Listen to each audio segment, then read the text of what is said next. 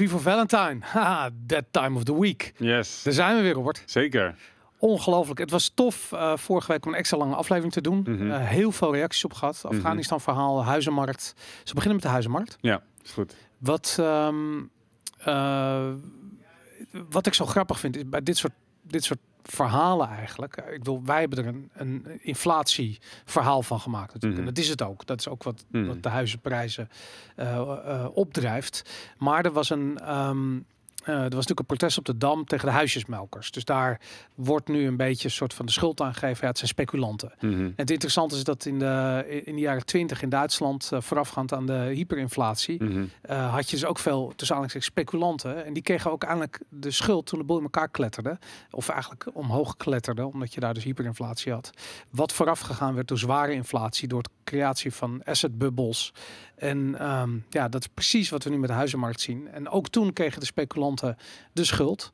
Um, en um, ja, hoe zie jij nu, uh, als je die reacties zo krijgt, die discussie, Mhm. sta je er nog hetzelfde in? Ja, ja, ik ben inderdaad na vorige week nog even erin gedoken. Want ik had, uh, vorig jaar kwam het, uh, dwarrelde het onderwerp eigenlijk uh, voorbij. Dus ik had me er niet echt in, in verdiept. Wat ik twee, tweeënhalf jaar geleden wel heb gedaan. Toen ik dus het artikel voor de Volkskrant ging schrijven. Ja. En wat ik mij ook vorige week ook al zei, sowieso heeft inflatie natuurlijk gewoon invloed op de prijzen van alle producten die, die we kennen. Ja. Maar ik denk dat, um, dat als je daar een model van zou maken, een economisch model met van wat is nou de, de, de factoren die van invloed zijn op de huizenprijs, dan is inflatie nou een van de componenten, maar niet het enigste component. Ja.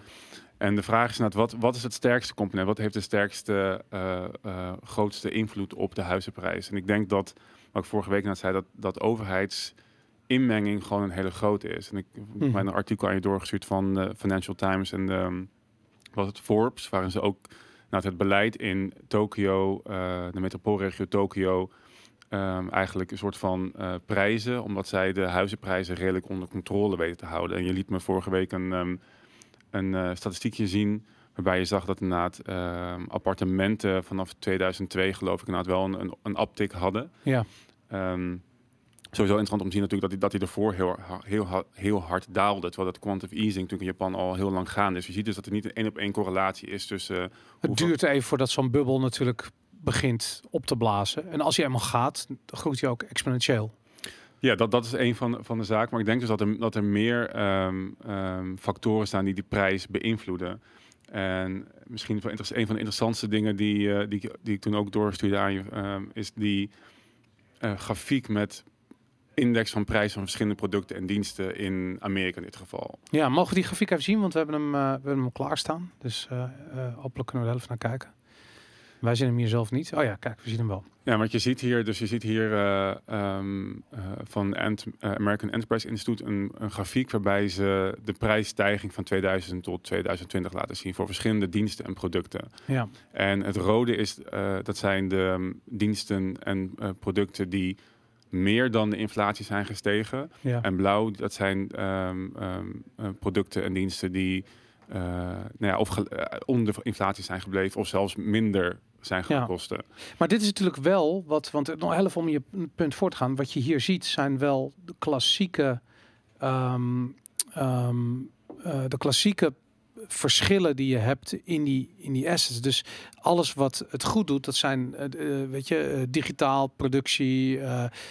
En wat je ook hier, ik weet niet in hoeverre dat is meegenomen, maar als je bijvoorbeeld ziet dat een iPhone, een nieuwe generatie iPhone, een twee keer zo snelle processor heeft Mm -hmm. en hij is maar 10% duurder, Mm -hmm. dan zeggen zij van nou oké, okay, hij is dus aanzienlijk goedkoper geworden, want hij is maar 10% duurder, Mm -hmm. maar twee keer zo snel. Mhm. Dus heb je, is er sprake van deflatie. Dus Mhm. hij is goedkoper geworden. Mhm. En daar kun je zelf, ik bedoel, je bent wel meer aan het betalen voor een nieuwe telefoon. Mhm. Dus je kunt je afvragen in hoeverre Mhm. werkt dat? Nou, ben ik het wel mee eens dat het inderdaad zo is. Want dat soort innovatie leidt wel tot uh, waardetoename. Ik bedoel, een goed voorbeeld is dat we nu kunnen Netflix en kunnen Spotify. Mhm. Niet meer al dat geld hoeft te steken in, in DVD-verzamelingen en, uh, en platenverzamelingen bij wijze van spreken. Dus in die zin werkt het wel kostendrukkend. Maar het is nou precies dat segment waar je inderdaad ziet dat de prijzen dalen. Mhm. Ja, er zijn inderdaad meerdere verklaringen, geeft in het artikel, um, um, voor die stijgingen en dalingen. Mhm. Bijvoorbeeld een van de dingen is ook dat je eh, bij de rode voornamelijk diensten ziet en onderaan voornamelijk producten. Ja. Op de college textbooks na en de cell phone services, eh, zeg maar, bij de blauwe kant. Mhm. Dus dat is een, een van de, eh, van, de, van de verklaringen. Maar andere twee verklaringen is dat, het, dat de onderkant, dat zijn producten die voornamelijk in een meer vrije markt opereren. Dus een mindere mate van overheid invloed in de onderste laag van, eh, van de grafiek. Ja. Ehm, en ook die, en dat, is- het zijn ook producten waarbij eh, op globaal niveau een grotere ehm, ehm, hoe je zeg, eh, die handelsgevoeligheid is. Ja, want als je bijvoorbeeld kijkt naar hospital services, oftewel de, de farmaceutische industrie, Mhm. eh, dat is natuurlijk bij uitstek een volledig dichtgetimmerde markt. Ik bedoel, jij Mhm. kunt niet met een nieuw medisch product op de markt komen als het niet langs de FDA is gaan. Wat natuurlijk, weet je, ik bedoel, een goed voorbeeld is van het geld wat je daar moet uitgeven, werkt ook heel erg drempelopwerpend voor, voor innovatie en voor nieuwe producten. Dus mhm. je ziet daar gaan alleen maar de prijzen omhoog, maar ook van innovaties bitter weinig eh, eh, te merken. Want Ja. ja. er gebeurt geen moer bij wijze van spreken. Ja, en dat vind ik, en dat is inderdaad, dat zie je heel vaak in eh, branches waarbij de overheid gewoon een grote vinger in de pap heeft, omdat de, het, het is risicovol of, het, of het, het levert weinig op om daarin te innoveren. Je ziet het ook, ik vind het echt heel mooi om te zien.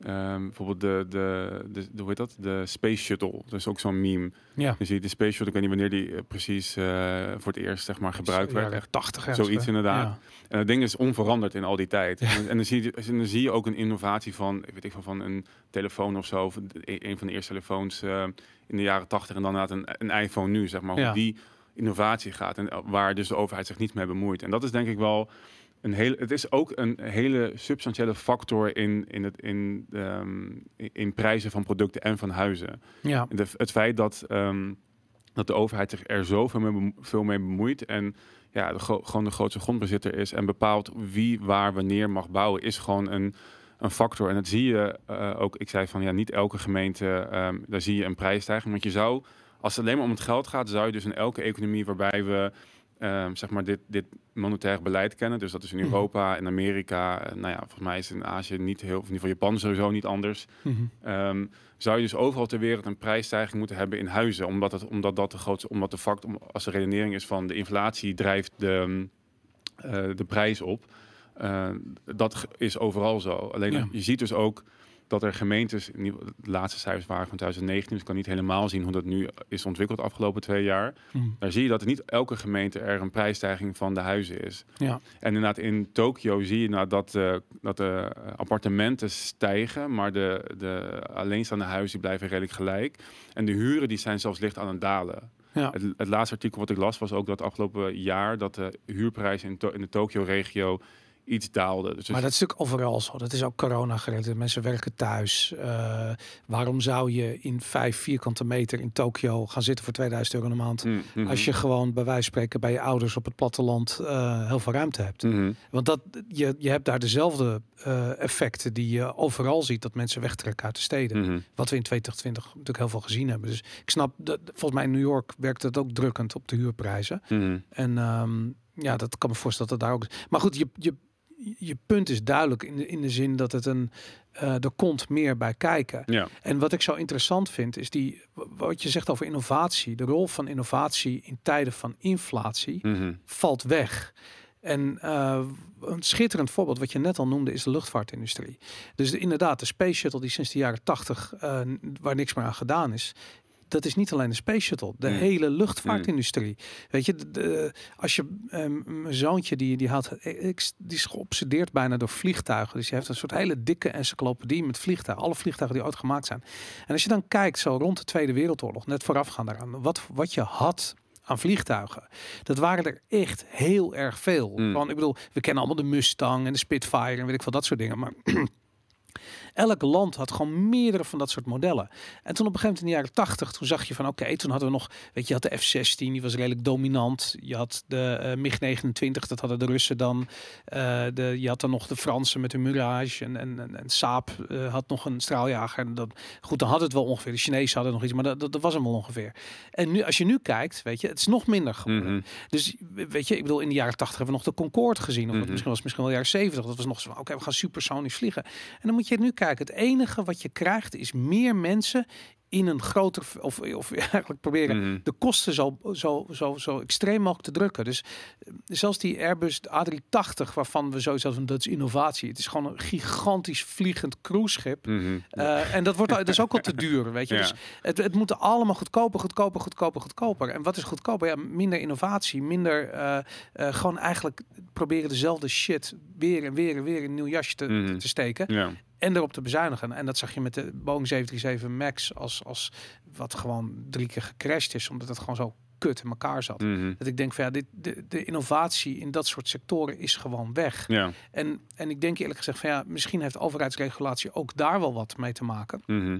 In de zin van ja, je kunt niet zomaar meer een vliegtuig bouwen en dat verkopen aan KLM of zo. Mhm. Maar je, ehm, eh, je moet daar ook natuurlijk allerlei certificaten en dat moet getest en weet ik veel. Een Europese Aircraft Agency, weet ik veel wie erover Ja. gaat. Maar anyways, ook ik denk dat inflatie de, de, de voornaamste drijfveer is voor, die, voor, die, voor het gebrek aan innovatie. Dus als, als inflatie zijn intrede doet, dan ben je eigenlijk alleen nog maar bezig met kosten drukken. Want je wil je marges niet verspelen. En je wil Mhm. ook niet direct eh, je klanten drie keer zoveel vragen. Dus je ziet overal die marges onder druk komen te staan. En dat zie je in de huizenmarkt ook. Weet je, er wordt goedkoper gebouwd.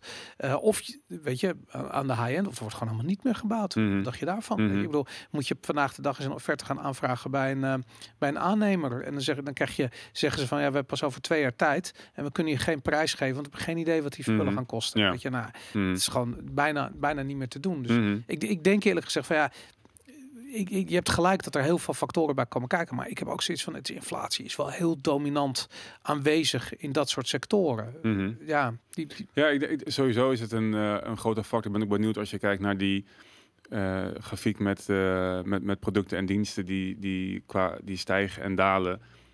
Dat is onder invloed van inflatie. Dus hoeveel zou dalen, zeg maar, bijvoorbeeld op het moment dat je dus, die, dat je dus gewoon een, een, een, een, een, een, weet ik een goudstandaard of een harde munt hebt in ieder geval. En je Ja. geen inflatie hebt. dan de kans dat, die prij- dat, die, eh, dat de kosten van die producten nog harder dalen, dat, dat, nou ja, dat is vrijwel zeker. Dus die het is zeker een sterke factor. Maar ik denk dat een exorbitante prijsstijging, het kan niet alleen door inflatie komen. Dan zou het ook bij elke product, bij elke dienst en eh, nou, in elke stad zeg maar, moeten hebben. En dat, dat is gewoon niet zo. Dus ik denk dat het een, het is een grote factor. Het is een, eh, een hele bepalende factor. Maar ik denk, ik denk, ik blijf erbij dat ik denk dat die overheidsingrijpen ook een, ehm, een hele grote stempel drukt op de prijs van dat soort eh, producten Ja. en diensten. Nou, je hebt gelijk dat de normale, of de, de mechanismes die je normaal gesproken hebt om dit soort eh, fundamentele veranderingen in, in, in prijsvoering tegen te gaan. Of eigenlijk, weet je, bijvoorbeeld dat je op het moment dat prijzen omhoog gaan, neemt de productie toe. Dat is Mhm. gewoon, dat is, dat is bijna een natuurwet, Mhm. weet je. Maar als dat niet kan, omdat de overheid zegt ho, ho, ho, ho, Mhm. dan krijg je op dat ogenblik, dat is die ballon die je samenknijpt en die Mhm. lucht kan nergens naartoe. Dan, dat, wordt, dat, dat wordt heel groot. Dat is Mhm. hoe, je, hoe die bubbels ontstaan. Dus die dingen haken in elkaar. Dat heeft wel met elkaar. Dat, dat, dat, dat, dat snap ik inderdaad, ja. Mijn telefoon begint gewoon te piepen. Wat is dit nou weer? Zeg? Jezus, wat amateur ben ik. Ongelooflijk. Maar, ehm, nou ja, goed. Dat, eh, we hadden het ook nog eventjes over, ehm, over Afghanistan vorige keer is nog een andere eh, theorie die ik leuk vond, die langskwam, die ik hoorde van de week, die eh, ik niet had geopperd. En dat is namelijk dat eh, het opvallend is dat met name de US Army het voor zijn kiezen krijgt hè, in het Afghanistan-verhaal. Dus ehm, het is niet de luchtmacht die daar vliegtuigen heeft laten staan. Ook de helikopters, de Black Hawks en weet ik veel wat achter is gebleven. is allemaal van de US Army. Mhm. En ehm, er is een, ehm, eh, er is een vrij hardnekkige ehm, stroming, of soort van, van stroming van denkers die zeggen van ja, we, we zijn op het einde van een zogenaamde long cycle. Weet je, je hebt een boek, dat is door Neil Howe geschreven, dat heet The Fourth Turning. Eh, dat is een economisch eh, begrip. Je hebt natuurlijk ook wel eens over, eh, over jouw fa- favoriete Martin Armstrong. Martin Armstrong Mhm. gehad, die daar ook over, over schrijft. Nou, heel veel economen die, die hebben daarover gepubliceerd en die hebben erover verteld. Die long cycle die op zijn eind loopt, eh, dat zijn over het algemeen periodes waarin extreme sociale veranderingen plaatsvinden. Nou, dat kan, eh, de laatste keer dat dat gebeurd was in de jaren 30. Ehm, maar we leven nu in een wereld waarin we eigenlijk allemaal soort van met elkaar verbonden zijn. Ik bedoel, we hebben die globalisatie doorgemaakt. En waar je vroeger zoiets had van nou zo'n zo'n long cycle reset vond plaats in Europa, eh, maar niet in Zuid-Amerika, ik zeg maar wat. Daar zie je nu van we zijn zo globalistisch met elkaar verbonden dat op het moment dat de boel in elkaar dondert aan de ene kant van de wereld de gevolgen direct merkbaar zijn binnen een dag vaak aan de andere kant van de wereld. Dus er is geen er is geen houden meer aan als hij nu gaat. Mhm. En ehm, nou ja, goed, wat zou deze long cycle inhouden? Het algemeen zijn dat ook momenten waarop we de een verandering zien in de verdeling van de macht in de wereld. Dus de, de, de dollar-hegemonie loopt op zijn eind. Mhm. Amerika als wereldmacht eh, raakt zijn positie kwijt. En dan kun je zeggen van, nou ja, eventjes gedacht vanuit het idee van het economische principe van, oké, dat gaat gewoon gebeuren. Dan zou het kunnen zijn dat er mensen zijn die zoiets hebben van, oké, als dat gaat gebeuren, laten we proberen controle te houden op het proces. Dus ook de sociale aspecten die je nu ziet, of de sociale ontwikkelingen die je ziet in bijvoorbeeld vaccinatie, digitale ID-kaartjes, de, de crackdown op bevolkingsgroepen, lockdowns, weet ik wat. Allemaal passen binnen dat narratief van als het straks misgaat, moeten we de bevolking onder controle kunnen houden. Want anders zijn wij, gaan de guillotines inderdaad op de Mhm. straat, dan gaan onze koppen eraf. Overigens was de Franse revolutie ook een long cycle, het einde Mhm. van een long cycle. Maar ehm, daar zijn ze bang voor. Ehm, dus die dollar-hegemonie die moet eindigen. eindigen. Die, die, die Amerikaanse dominantie in de wereld moet eindigen. Hoe doe je dat? Door eigenlijk te laten zien van ja, waar, weet je, een, een, een- een, een currency zoals de dollar, waar wordt die door gebackt? En dat is natuurlijk een discussie waarvan ik kan zeggen, ja, misschien olie, misschien het feit dat je de belasting mee kan betalen in Amerika, weet ik veel. Maar eigenlijk is het het Amerikaanse leger Mhm. als jij niet ehm, accepteert dat die dollar een koopkracht heeft van een dollar, dan krijg je direct te maken met de eh, repressie van de Amerikaanse staat. Mhm. En eh, dat is natuurlijk, wat is er symbolischer dan dat, dan het Amerikaanse leger? Nou, het Amerikaanse leger is extreem dominant wereldwijd, tot Afghanistan. Waar je opeens ziet van, het is niet alleen dat ze zich terugtrekken. Nee, het is letterlijk, ik, ik bedoel, ze worden belachelijk gemaakt. Weet je, de, de Taliban is een optocht aan het houden in Amerikaanse legervoertuigen. Met de Amerikaanse ambassade heeft een gigantische Taliban-vlag eh, gekregen. Weet je, ik bedoel, ze worden echt belachelijk gemaakt. En ook intern in Amerika, als je eh, eh, zowel links als rechts, die zijn allemaal erover eens van dit is een totale afgang wat daar gebeurt. Mhm. Zometeen gaan we Amerikaanse staatsburgers zien. Die worden daar gegijzeld. Die worden straks natuurlijk eh, publiekelijk geëxecuteerd, weet ik veel. Om maar het, het gezichtsverlies zo groot mogelijk te maken. Want hoe ga je anders die dollarhegemonie eh terugdringen? Afbreken als je niet wat die dollarhegemonie in stand houdt, Mhm. ook afbreekt. Mhm. En die gedachte had ik zoiets van, ik, ik I like it. Mhm. En waarom? Omdat het zo'n. Ik vind het tof als mensen in staat zijn om uit te zoomen. Weet je, het is, we kunnen allemaal, weet je, met elkaar ruzie gaan maken of je wel of niet een prik laat zetten, weet ik veel. Dat is allemaal leuk en aardig. Weet je, cool, belangrijk moet vooral gebeuren. Mm. Maar ik heb zoiets van, als je uitzoomt, wat is er nou werkelijk aan de hand? Mhm. En ik had, ik had nog nooit zo'n uitgezoomd perspectief gezien. Ik vond het heel tof. Zoiets van, ja, dat zet tot nadenken. Dat is tof. Ja, maar het impliceert wel echt een hele diepe eh, psychologische agenda van deze en gene die dus inderdaad het, eh, het, het beeld van Amerika en het leger dus inderdaad onderuit willen halen om uiteindelijk de, de uittocht van de dollar zeg maar in, eh, in te leiden. Ja, maar, maar ik denk dat dit constant gebeurt. Dus dat, dat die strijd om dat narratief, dus Mhm. de hele tijd proberen door middel van angst Mhm. depressie uit te rollen. Dat, Mhm. ik bedoel, dat 11 september is dat, letterlijk. Weet je, Mhm. na 11 september kregen we de Patriot Act. Mhm. En eh, wat hebben we het sindsdien gehad? We hebben terrorisme gehad, waardoor we allemaal onze schoenen uit moeten trekken in vliegvelden en een soort van vernederd worden als we nog willen reizen. Eh, dat hebben we allemaal voor lief genomen, want onze veiligheid. Mhm. En als je er nu over nadenkt van is er niet ook daadwerkelijk een poging gedaan om het reizen terug te dringen, weet je? Mhm. En toen dat niet heel succesvol bleek, en mensen iets van oké, fuck it, dan trek ik mijn schoenen uit. Dan zijn we nu aangekomen bij een situatie van oké, dan moet je eerst moet je door allerlei hoepeltjes springen en medische experimenten ondergaan voordat je nog mag reizen zo Mhm. meteen, weet je? En eh, zo zijn er meer van dat soort. eh Brzezinski heeft erover geschreven over hoe eh, ehm, ja, de, de, de, eigenlijk deze nieuwe long cycle ingaat. Is dat je de bevolking gewoon letterlijk moet bestoken met nieuwe angst. Porno, met angstpropaganda. Mhm. Met, en ja, we, we hebben dat gehoord van de, hoe heet het, van, van, van het terrorisme natuurlijk, dat hebben we gehad. Toen kwam klimaat opeens weer om de hoek kijken. Klimaat is ook een schitterend voorbeeld van angstpropaganda eigenlijk. Mensen gewoon bang maken Mhm. van how dare you en het einde van de wereld. We zijn al te laat. Er is helemaal niets aan de hand. Maar Mhm. goed, dat is een andere discussie. Ehm, corona kwam langs, zoals Klaus Schwab zei. It's a, wat, wat zei nou? It's a great opportunity Mhm, uh, mhm. in the small, small time, whatever. Hij, hij was heel enthousiast over het fantastisch narratief. Ehm, en eh, er wordt ook geopperd dat we nu voorbereid worden voor het, eh, voor het alien-narratief. Weet je, Mhm. opeens begint het Witte Huis beelden te delen van aliens en zeggen ze dat aliens bestaan. In de Washington Post zien we verhalen dat aliens en UFO's en weet ik veel.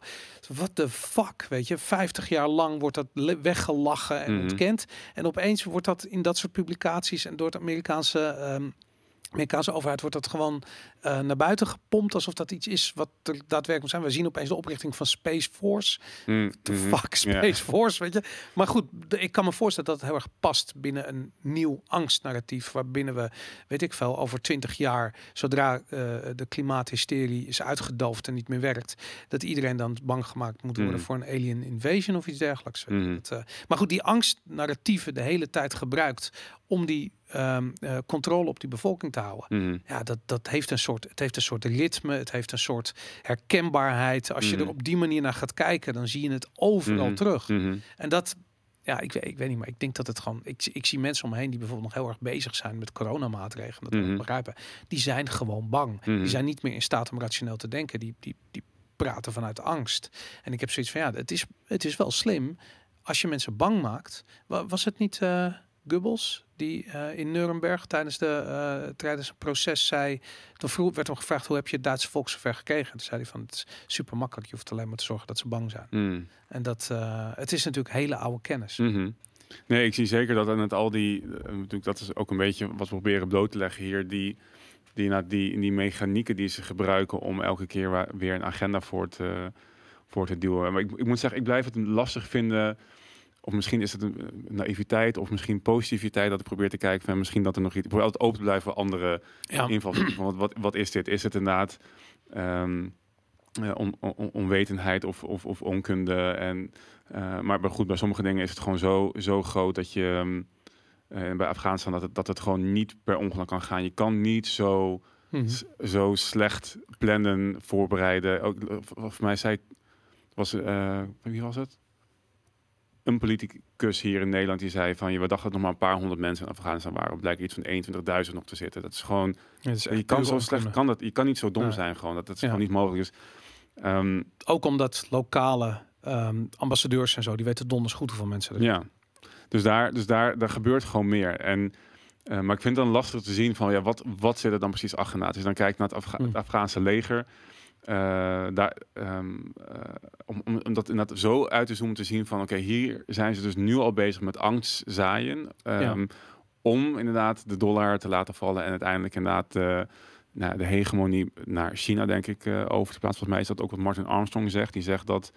Hij zegt, hij zegt twee dingen. Aan de ene kant zegt hij dat Amerika als laatste land gaat vallen, zeg maar, die gaat dat langst overeind blijven, heeft gewoon de grootste economische macht nog steeds. Ja. Ehm, dus de dollar gaat als laatste kapot.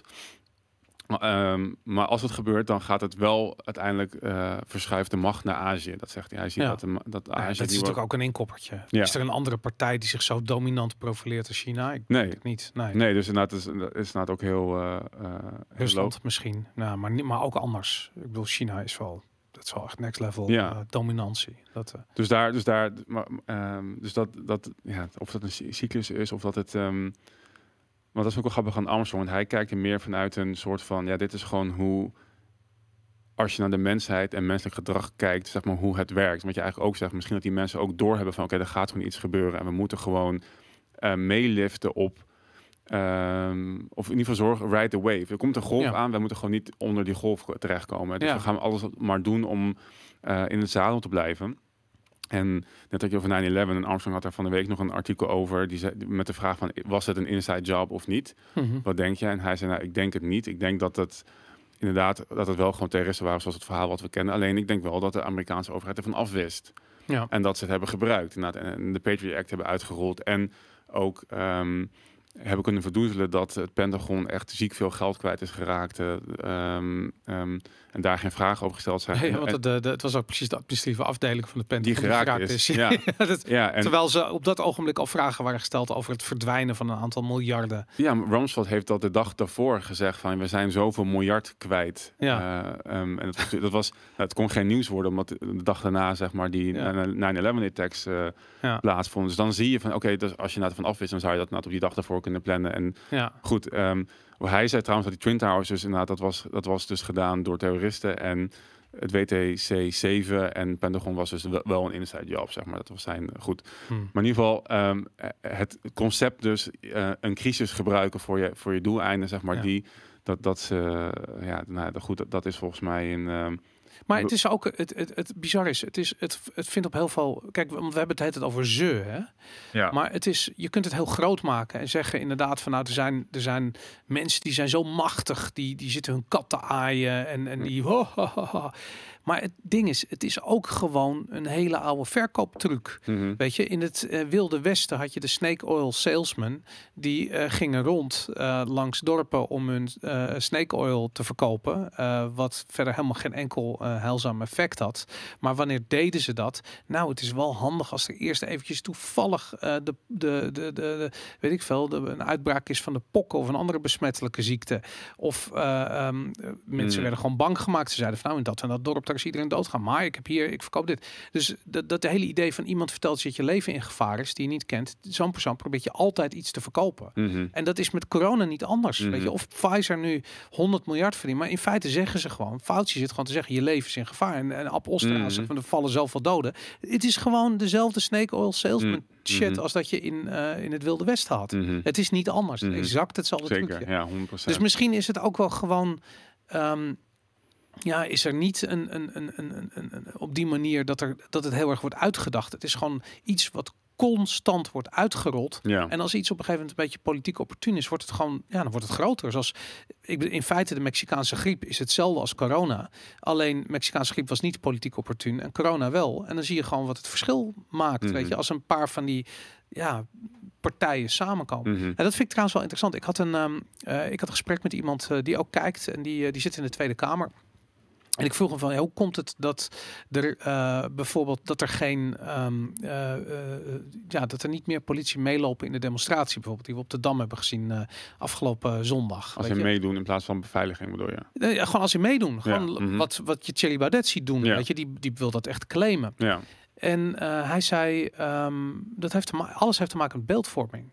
Dus die politici zijn zo bang om ehm, onderdeel te worden van een beeldvorming waar ze geen controle over hebben. Of wat ze in een negatief daglicht eh, zet. Mhm. Mhm. Dat ze gewoon, ik heb het al lang niet meer over principes of over ehm, staan waar je in gelooft of vrijheid Ja. of dat soort hoogdravende eh, principes. Nee, het is gewoon puur. ehm, je wil niet dat er straks, eh, weet ik veel, dat je als rechts eh, bestempeld wordt als je meeloopt in een demonstratie. Mhm. Wat fucking insane Ja. is, weet je. Ik weet niet of je dat gezien hebt in Joop, dat artikeltje. Een soort van de, de, Nee. de demonstratie was, was ultra rechts. Weet je. Ik Mhm. bedoel, Mhm. wat de fuck is er mis met die mensen, man? Ja. Jesus Christ. Ja, dit is, dit is, nou ja, dit is inderdaad ook mijn, mijn, ehm, mijn weerzin tegen politiek. Want ik merk dat ik daar zelf dus ook in mee ben gegaan. Je kan niet bepaalde dingen doen of zeggen, want je krijgt een frame. Het is, Ja. Politiek is not, niks anders dan een frame game. Ja. Nou, wie heeft het sterkste frame wat blijft plakken? En als je dat kan doen, dan ben je de winnaar van... van ehm, Maar iedereen is dat spelletje aan het doen. En dat niemand mee, is ja. bezig met, zijn, met rationeel nadenken over ja, wat is goed voor Nederland. ja. En dat, en dat, nou ja, en, en daarom, eh, ja, ik merk zelf ook, ik denk van, ik ben blij met deze podcast, want het, het leert me weer, zeg maar, alles gewoon te zeggen wat ik denk en daarmee Ja. bezig zijn. En dan, en ook gewoon zeggen, ja, ik weet niet alles, ik, dit is wat ik denk en ik kom, ik kom er op deze manier bij. En ik denk ook wel dat dat, tenminste, ja, ik, ik zit natuurlijk in een gigantische bubbel, maar ik heb wel het idee dat mensen daar meer naartoe aan het, aan het gaan zijn. Van ja, we, Dude, dit is de foreturning. Wat jij Ja. ziet is Mhm. dat we nu in een, in een generatie zitten eh, van, van weak people. Mhm. En niet alleen zwak als in fysiek zwak, want dat is ook zo, weet je, soja vretende. eh, maar goed. Eh, maar ook gewoon letterlijk eh, intellectueel zwak, weet je, Mhm. niet in staat om over je angst heen te stappen, niet Mhm. in staat om op te staan en te zeggen van oké, we moeten door deze storm heen en dan moeten we die kant op. En dat, dat zie je overal. En we hebben andere tijden gekend, weet je. Er zijn eh, hele eh, belangrijke politici in Nederland geweest die gewoon een visie hadden, wat gewoon echt Mhm. een soort van mensen waren waar je niet omheen kon. Mhm. Dan moet je nu kijken, weet je. Ik bedoel, Mhm. de uitzonderingen daar gelaten. Niet iedereen is zo, weet je. Mhm. Maar het leeuwendeel van de mensen die in de politiek zitten in Nederland zijn wel zo. Mhm. En die zijn alleen maar bezig van, oh, wat zullen ze van me vinden? Oh, die Ja, mag niet ja. verkeerde zeggen. Oh, ik wil niet geassocieerd worden met die en ik wil niet dat. En oh, ja, allemaal eng en zo. Weet je. En Mhm. ik gewoon denk van, hoe kun je fucking je werk doen als je zo bent? Ja, Bizar, man. ja dat, is, dat is hun werk nu. Het is, gaat alleen maar over beeldvorming. Maar ik, maar ik denk dat mensen dat gaan zien. Ik denk Ja. dat ze er klaar mee zijn op een gegeven moment. En die zoiets hebben van, luister, we hebben, we hebben straks, eh, weet ik veel, twee, drie jaar corona achter de rug. Mhm. De, het MKB is, is, is kapot gemaakt, weet je. Ik bedoel, eh, we krijgen, we hebben gigantische 80 miljard geldcreatie nu al gezien. Dat is nog maar het begin, hè. We zijn nog lang niet klaar. Mhm. En ehm, het gaat helemaal nergens over. En ik denk dat op een gegeven moment wordt de balans opgemaakt. En dan hebben we zoiets van, oké, we hebben die, die, die, die, die, die, die, die, die, die, die leugenaar van Hugo de Jonge. Mhm. Samen met de beroepsleugenaar eh, Rutte. Die, die, die, die met elkaar letterlijk gewoon een puinzooi aan het aanrichten zijn. Eh, en iedereen is bang om zijn vingers te laten branden. Want ze willen niet degene zijn die zeggen van ja, maar je, ze willen geen wappies zijn, bij wijze van spreken. Dat, dat narratief is heel sterk. Mhm. Natuurlijk, niemand wil een wappie zijn. Dus ik snap dat zij daar heel bang voor zijn. Maar dat betekent wel dat er zometeen af, mee wordt afgerekend. En dat je een, een, een eh, beweging de andere kant op krijgt. En dat je wel weer echt mensen met een, weet je, wel de omzicht. En wel de, eh, eh, hoe heet ze, Leiden, die, die samen met omzicht dat gedaan heeft. Mhm. gewoon echt hele uitgesproken. En op een bepaalde manier ook Thierry Baudet ook, weet je. Ik denk Mhm. dat die ook een hele En hopelijk jij ook, weet je. Ik bedoel, uitgesproken mensen die eh, staan voor principes. Dat, Mhm. is, dat is wat politiek in mijn ogen moet zijn. Mhm. Dat, dat gaat terugkomen. Ik, ik hoop het, ik ben er helemaal klaar mee. Ik kan niet, eh, ik zat gisteren nog even te kijken naar. Er was iemand die vroeg eh, naar de uitspraken van, van Kaag over Rutte. Want Ja, Kaag die tuurlijk, had, ja. die, die had. Of die niet- Rutte vertrouwde. Is de Ehm, vraag. nou? Vertrouw je Rutte? was het de vraag van Kaag? Mhm.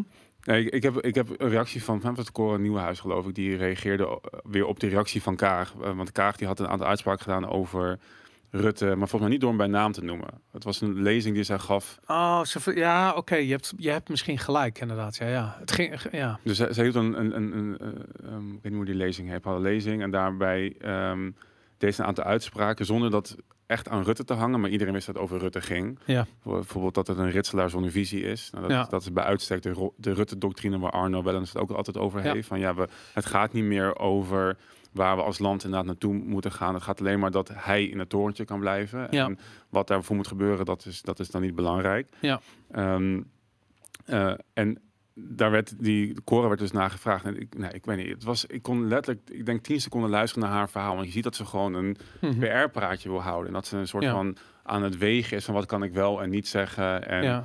en ik denk, en dat, nou, dat zeggen mensen ook die aan, aan de podcast luisteren of kijken, van ja, dat wij hebben die reservering zeg maar niet. En ik Ja. merk dat mensen daar inderdaad heel erg behoefte aan hebben. Dus ik hoop inderdaad dat, dat er, eh, nou ja, goed, volgens mij gaan we nu richting een minderheidskabinet of zo. eh, Dat is wel de perfecte uitkomst, toch? Dat is wat jij altijd zei. ik, ik ben daar op. eh, ja, ik ben, ik ben aan de ene kant altijd sceptisch van ja, wat, wat zit hierachter? Maar inderdaad, het zou de perfecte uitkomst zijn. Want je moet dan gewoon als, als VVD en, en, en coalitie gewoon weer aan het werk. En je hebt een Kamer die in principe vanaf het begin niet, per, niet met je is. Je moet ze gaan overtuigen inderdaad van jouw standpunt en van je Ja. ideeën en van de dingen die je door wil voeren. Dus ik, ja, ik ben eh, als, de VVD met, ja, ik weet niet wie in een coalitie gaat zitten dan eh, met een minderheid, dan is dat inderdaad een, eh, denk een mooie uitkomst. Hey, en ehm, weet je wat ik me afvroeg? Ik, ik weet eigenlijk niet hoe dat staatsrechtelijk werkt. Maar we hebben natuurlijk verkiezingen gehad. Mhm, Dat was in maart, volgens mij. mhm. Ehm, hebben we over vier jaar in maart weer verkiezingen? Mhm. Of vanaf het moment dat het kabinet beëdigd wordt, vier jaar? Nee, in principe is het... eh, Elke vier jaar? Ja. Ja, vier daarom. Oké, ja. Dus, maar dat betekent dat dus een jaar af is gegaan van een eventueel nieuw kabinet. Ja. Bizar ook weer Ja. zoiets, weet je. Dat, eh, ja, blijkbaar kan dat allemaal gewoon inderdaad eh, demissionair doorgaan. Eh, ik bedoel, België is kampioen geloof ik met, het, eh, met formatie. Dat duurde volgens mij lang dan een jaar. ja, Dus dat, eh, dus dat, zou, eh, dat zou ook nog eh, Het raar is dat ik er ergens niet eens zo heel veel moeite mee heb. Want ook in het geval van België, ik bedoel, maakt het werkelijk uit? Ik Nee. bedoel, het is alleen dat gewoon de democratie is weg. weet je? Mhm. Dus de invloed van het, het, het democratisch proces houdt op op het moment dat je dat hebt. En in deze tijden is dat, is dat vervelend. Weet je? Op het moment dat er een crisis is, wil je natuurlijk gewoon eh, zeker weten dat het de regering het volk vertegenwoordigt. En niet. eh, Ja, ik merk dus dat ik denk van ja, dat, dat doen ze toch al niet. Dus of het nou Rutte is, zeg maar, nu in zijn demissionaire positie of eh, hij is alweer beëdigd of in zijn volgende positie. Ja, volgens mij verandert Ja. het weinig. Ik, ik vind het inderdaad, ik bedoel, ik heb er ook wel opmerkingen over dat ze dat allemaal demissionair doen. Maar als je nou praktisch gaat kijken, dan ja, weet je. eh, ja, maar wacht maar tot dat. eh, eh, weet ik. ik bedoel, die grap die, die, die Rutte maakte. Dat is, ja, Ja. Ik heb meer. Ja, maar het spijt me, dat zal ik hem nooit vergeven. mhm, Want hij, hij heeft gelijk. Het was geen grap. mhm. Weet je? Ik bedoel, dat was. Hij wist donders goed hoe het proces ging. Weet je? mhm. En hij kan nu. weet je, hij doet het niet zelf. Want dat is natuurlijk heel de beeldvorming. Maar hij laat Hugo de Jonge dat allemaal doen. Die zich voor het karretje laat spannen.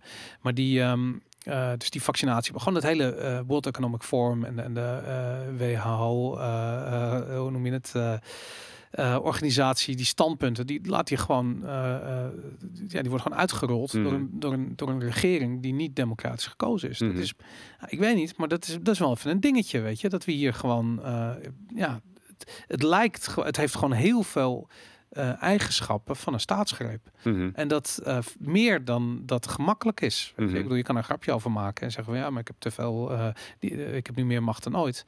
Ja, het is een grapje, maar het is wel waar. Mhm.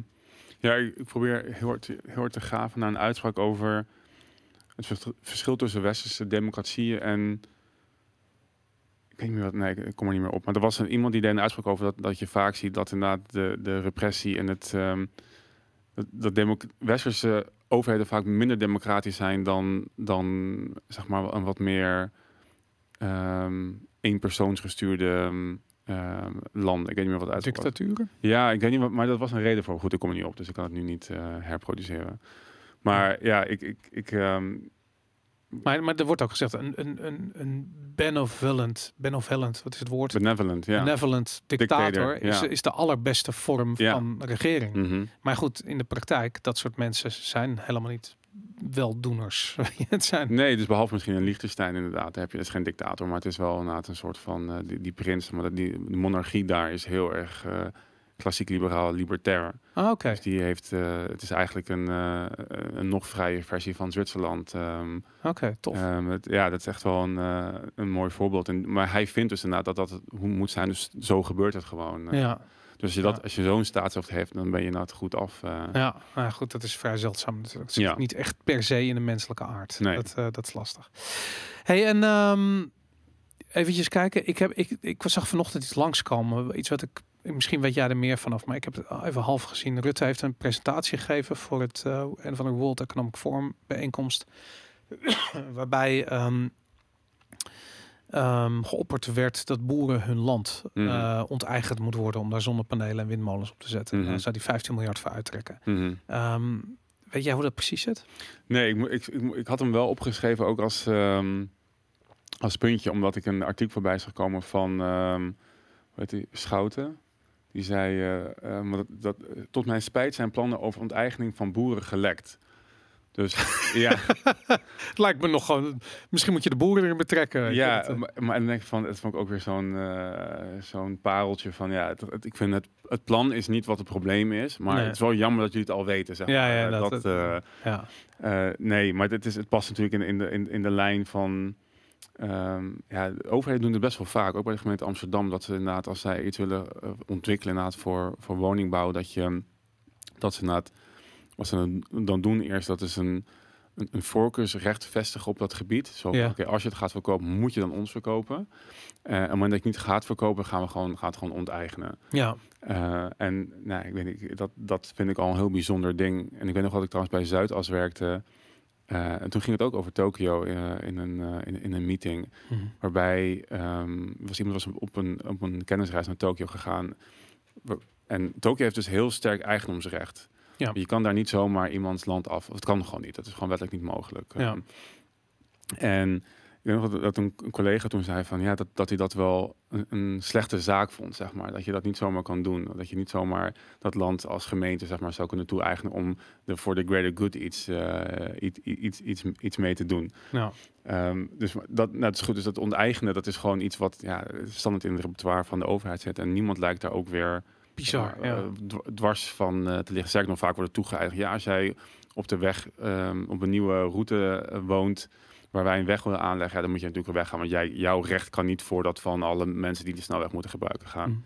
En nu weer, nu, nu onder het hele klimaat eh debakel en om de stikstof terug te dingen, gaan we het land, gaan we eh, boeren onteigenen. En het bizar is, want Nederland is het op één na grootste exportland van landbouwproducten ter wereld. Ja, Alleen Amerika is groot, wat natuurlijk een gigantisch land is. Het is bizar dat wij met een klein landje zo effectief zijn met, eh, met landbouw. En ja. goed, er is natuurlijk al heel lang een hetze gaande tegen, tegen boeren. En dat, eh, ja. Waarom is dat? Waarom is die hertz tegen boeren? Waarom is dat zo? Wat, wat gebeurt er op de achtergrond? Want het is inderdaad al heel lang bezig. Mhm. En ik heb, in de, in ik heb bijvoorbeeld, ik heb vroeger, was ik, ik was de enige, het enige keer dat ik echt lid ben geweest van een politieke partij was toen Marianne Thieme Partij voor de Dieren had opgericht. Omdat ik zoiets had van, ja, weet je, ik hou niet zo van overheid, maar pff, weet je, laat dan in ieder geval die zielige varkens en die vrachtwagens Mm. die ik voorbij zie komen, dan Mm. maar een beetje eh, hulp krijgen daarvan. Maar om heel eerlijk te zijn, denk ik van ook dat narratief is heel erg tegen de boeren gebruikt. Mhm. En ehm, ik, ik ben op een gegeven moment weg verhuisd uit, uit, uit Amsterdam eh, eh, eh, naar een wat kleinere omgeving. En daar ken ik een paar boeren. En ik koop ook veel van mijn vlees en kaas en melk Mm. gewoon direct bij Mm. boeren. En als je dan ziet hoe, hoe, weet je, ik vraag ze altijd over hoe een business werkt. Mhm. Het mind blowing hoe moeilijk het is om boer te zijn. Mm. Het is echt niet normaal. En eh, het, wordt ze, het leven wordt ze letterlijk onmogelijk Ja. gemaakt. En de, de, de bureaucratie waar je in terecht komt als je een boerenbedrijf runt, is insane. Mhm. Aan de andere kant heb ik gezien dat de, de grootste gedeelte van de miljonairs in Nederland, volgens mij, of tenminste v- 25% van de miljonairs in Nederland zijn boeren. Mhm. Niet omdat ze een cent te mak hebben, maar omdat ze gewoon land hebben wat veel geld, Mhm. wat grote waarde vertegenwoordigt. Dus dat is een ehm, hele vreemde, eh, vre- vreemde situatie. Ja. En, maar ik vind die, die crackdown op die boeren zo, zo vreemd. Mhm. Je zou zeggen van als mensen realiseren we ons toch dat voedsel een van onze belangrijkste eh, ja, levensbehoeften Mhm. zijn. Weet je, ik bedoel, daar ga je toch niet een, een hetze tegen voeren. Mhm. Maar het bizarre is dat we het eigenlijk hetzelfde zien in die huizenmarkt. Wat jij zei met wat voor regels eh, die woningmarkt mee te kamp heeft, met alle gevolgen van dien. Het lijkt wel alsof dat op die manier exact hetzelfde wordt toegepast Mhm. op die boeren. Ja. Dus onze primaire levensbehoeftes worden gewoon aangevallen door bureaucraten. Mhm. Waarom? Ja, ik moest net ook over nadenken toen jij het had over de luchtvaartindustrie. En zeg maar de, dat daar eigenlijk ook al langer tijd een soort van hetze tegengaande is. En Ja, Ehm, een van de theorieën die ik gehoord heb is dat ehm, het heeft allemaal met, te maken met een mate van centralisatie. Dus eh, bepaalde sectoren, eh, of heel veel sectoren zijn al heel erg hevig gecentraliseerd. Ja. Maar niet alle. Ehm, en ehm, nou goed, als je dan weer praat over ze, zeg maar, dan hebben ze ook geen invloed en geen.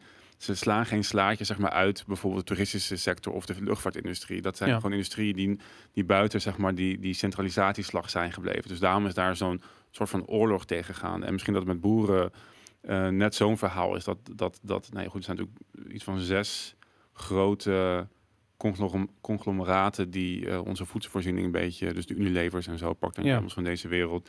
Ja, misschien is de bedoeling dat dat soort partijen die willen ehm, dat het eigenlijk gewoon weer eh, een, een geldverhaal is. ja tuurlijk. Dus, ja. dat, dus dat, dat inderdaad grote bedrijven met veel invloed inderdaad gewoon dit soort eh, concurrenten aan het uitschakelen zijn. Ja. En inderdaad gewoon in plaats van de kleine lokale boeren gewoon grote massaproductie ehm, willen, we- zelf willen gaan doen, weet ik veel waar. Ehm, Om gewoon de hele keten te Kunnen- bezitten ja. en Mhm. daar dus ehm, eh, ja, veel meer geld voor te kunnen vragen. precies, van. A tot Z gewoon eh, eh, ketenintegratie en daar gewoon veel meer geld mee, mee te verdienen. En ja, ik denk dat, ik zit nu, het was ook een, maar dat is ook met die groene agenda, dat je ziet, ik moet even nadenken, voor mij was het in die docu The Great Global Warming Swindle, heb je nog gekeken? Ik had het gestuurd, het is echt heel Volgens mij heb ik die wel gekeken, ja. ja. En het, daar, daar ging ook onder andere over dat, dat er dus ehm, bepaalde bedrijven in Europa worden opgekocht, om, eh, omdat ze dan, eh, omdat ze, eh, geloof voor, het- voor hun CO2-rechten, ik weet niet, maar het ging om dat, dat heel veel van die productie van Nederland naar Europa werd, of van Europa naar eh, Azië werd verhuisd. ja. Onder de mom van ehm, in, in Europa mag het niet meer plaatsvinden, want het is, het is te vervuilend. En dan gaan we het maar in, in, in Azië doen. ja. Maar in die documentaire zie je dus ook dat boeren ehm, eh, in Europa na het, het door alle regels heel moeilijk hebben gekregen en dus nu een andere inkomstenbron hebben gevonden. En dat is vaak eh, zonnepanelen of windmolens. Ja, op die manier. Dus als in een Ja. land is, ter, dat in ieder geval was in Duitsland heel erg Klopt, daar krijgen ze miljoenen voor. Ja, Dat krijg je is miljoenen voor inderdaad. Dus daar, weet je, er, er gebeuren inderdaad, eh, er gebeuren vreemde dingen. En ik denk dat voor, de voornaamste reden weer is inderdaad dat bepaalde partijen gewoon meer geld willen verdienen aan, aan bepaalde industrieën. Ja. Ja, dus er is niet, ook daar is er niet iemand die met zijn kat op schoot zit te lachen en een eh, evil plan. ik heb hem niet gezien, dus ik ga er niet Ja. uit. Maar ik hou alles open. Top. Cool. Zijn er nog eh, onderwerpen die we... We hebben eigenlijk een soort, soort bloemlezing van Ja. de afgelopen weken. Het, er gebeurt echt zoveel. Het is bizar om er één onderwerp eh, eh, uit te pikken. We hebben natuurlijk in, in El Salvador, Hmm. waar bitcoin officieel een wettig, Legal tender. Ja. een wettig betaalmiddel is geworden. Dat is een, een kleine stap voor bitcoin, maar een gigantische stap voor de, voor de mensheid. Daarmee Mhm. is, is bitcoin het, het politieke wereldtoneel opgeduwd. En dat... ehm, ja, het, is, het kan niet, ik heb het volgens mij op LinkedIn heb ik dat ook geschreven, het kan niet, het, het belang daarvan kan niet onderschat worden of niet overschat worden. Mhm. Het is echt een gigantische paradigma eh, shift. En dat, ehm, ja, ik denk eerlijk gezegd dat wat we hier zien, eh, gaan we nu eh, in veel meer landen zien. Cuba hebben we al gehoord die ermee bezig zijn. Veel meer eh, Midden-Amerikaanse landen zijn ermee bezig.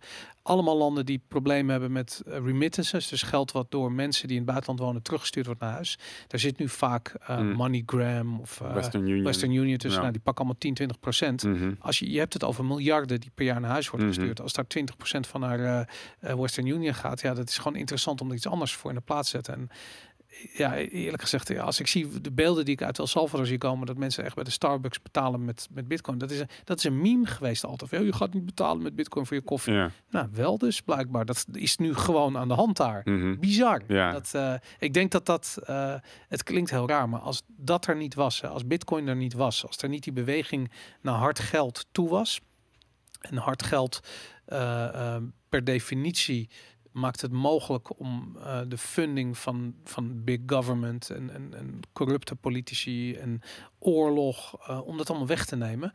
Dan had ik het somber ingezien. Dan Mhm. had ik echt gedacht van, Jesus, het gaat ze lukken om het laatste restje eh, individuele vrijheid uit deze bevolking te persen. Mhm. En Bitcoin is zo'n krachtige tool om dat te bevechten. En Mhm. ja, nu zie je dat iedereen dat omarmt. En ik vind het mooi. Het gaat helemaal niet om welk, weet ik veel, fonds, eh, veel Bitcoin of welke gek erin staat is om heel veel Bitcoin te kopen of dat ooit in een ver verleden heeft gedaan. Nee, het gaat erom dat gewoon de normale eh, eh, burger in El Salvador die een maandsalaris heeft van 200 dollar in staat is om die 200 dollar op te slaan in een keiharde currency waar niemand aan kan zetten, Mhm. wat niet afgepakt kan worden en wat over tijd in waarde toeneemt, in koopkracht toeneemt. Mhm. Dat is dat is fucking mind. Ja, het is gigantisch. Ik, ik heb nog wel eens discussies over. Nou, mensen hebben dat nog steeds niet helemaal door. Zeg maar. Ook mensen die wel in Bitcoin zitten, die snappen nog steeds niet zeg maar, hoe revolutionair het Om, is. Omdat het nee, in Nederland hoeft het niet. We hebben Nee. de- Mhm. ons betaalsysteem, alles. We, ik bedoel, het is hier echt een luxe. Mhm. Weet je, zo van ah, een of andere rare digitale coin waar je op kunt gokken om te kijken of het meer waard wordt. Mhm. Maar je, in de rest van de wereld, mensen hebben geen bankrekeningen. Weet je, als je naar Nigeria kijkt, waar je blijkbaar zonder vaccinatiepas geen toegang meer hebt tot je bankrekening, hey, dan is Bitcoin is super vet. Mhm. En je ziet ook, Nigeria is een van de, en heeft een ontzettend jonge bevolking. Volgens mij is de gemiddelde leeftijd ergens in de 20 of zo. Bizar.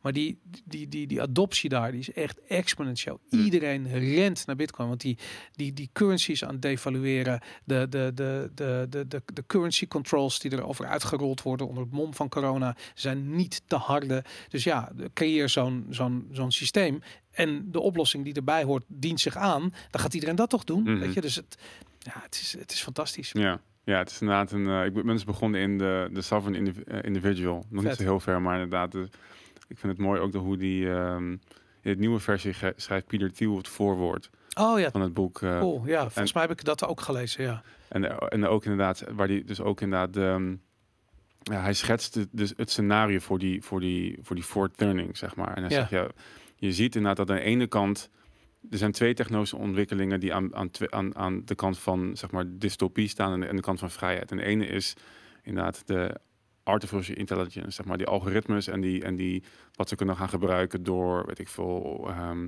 videobeelden te analyseren of gewoon je betalings of alles in het verkeer gewoon zeg maar kunnen monitoren en in bepaalde manier te categoriseren en mensen in de gaten kunnen gaan houden. Dat wordt, dat wordt tegen ons gebruikt. Mhm. En aan de andere kant heb je inderdaad eh, decentralized eh, cryptop en, en cry- cryptografie, zeg maar, wat, eh, wat aan de kant van, van de vrijheid staat. En die twee dingen gaan nu inderdaad een, een, een battle met elkaar aan de komende tijd. Ja. Ik weet niet, nou goed, ik heb het boek niet, niet zo ver gelezen, maar ik begrijp inderdaad dat, ehm, wat jij voor mij vorige keer ook al zei, dat, dat die technologische ontwikkeling, dat waarborgt onze vrijheid. eh, en Nou, dat gaat altijd gepaard met, met eh, Ja. de toename Mhm. van individuele Ja. vrijheid. Omdat de kosten van het handhaven van groot geweldsmonopolie worden. te groot wordt. Ja, Ja. en dat, dat gaan we nu weer meemaken. Ja. ja, het is fascinerend. Dat boek is, eh, voor mij is dat echt, echt eye-opener geweest. The Sovereign Individual, wie het nog niet gelezen heeft, is in 97 geschreven door twee economen. Die, die eigenlijk een toekomstbeeld schetsen. En dat is echt bijna tot, tot op de letter eh, werkelijkheid aan het worden. Het is bizar, dat boek. En eh, het schetsen ook eh, een, een toekomstbeeld wat eigenlijk heel positief is, maar ja, ook onderhevig is aan een soort tweedeling in de maatschappij. Van de mensen die de boot missen en de mensen die het snappen en die meegaan in deze beweging. Dus eh, dat boek is heel leerzaam, aanrader. En het is ook weer, eh, het was heel lang niet te koop, omdat het gewoon uitverkocht was en het werd niet verkocht. En eigenlijk door de opkomst van Bitcoin is er weer hernieuwde interesse in het boek eh, ontstaan. En zie je ook dat het, eh, ja, er ligt een nieuwe druk nu, eh, eh, nu, nu eh, bij Amazon en in de winkel. Dat is super, super vet. Het zou eigenlijk in het Nederlands vertaald moeten worden. Het zou Ja. tof zijn. Soevereine mens. Misschien eh, als we nog een vrije zaterdag over hebben, kunnen we dat vertalen. Top. Ik denk dat dit, eh, dat dit hem was. Wie Yes. voor Valentine. Bedankt voor het kijken, bedankt voor het luisteren. Tot volgende week.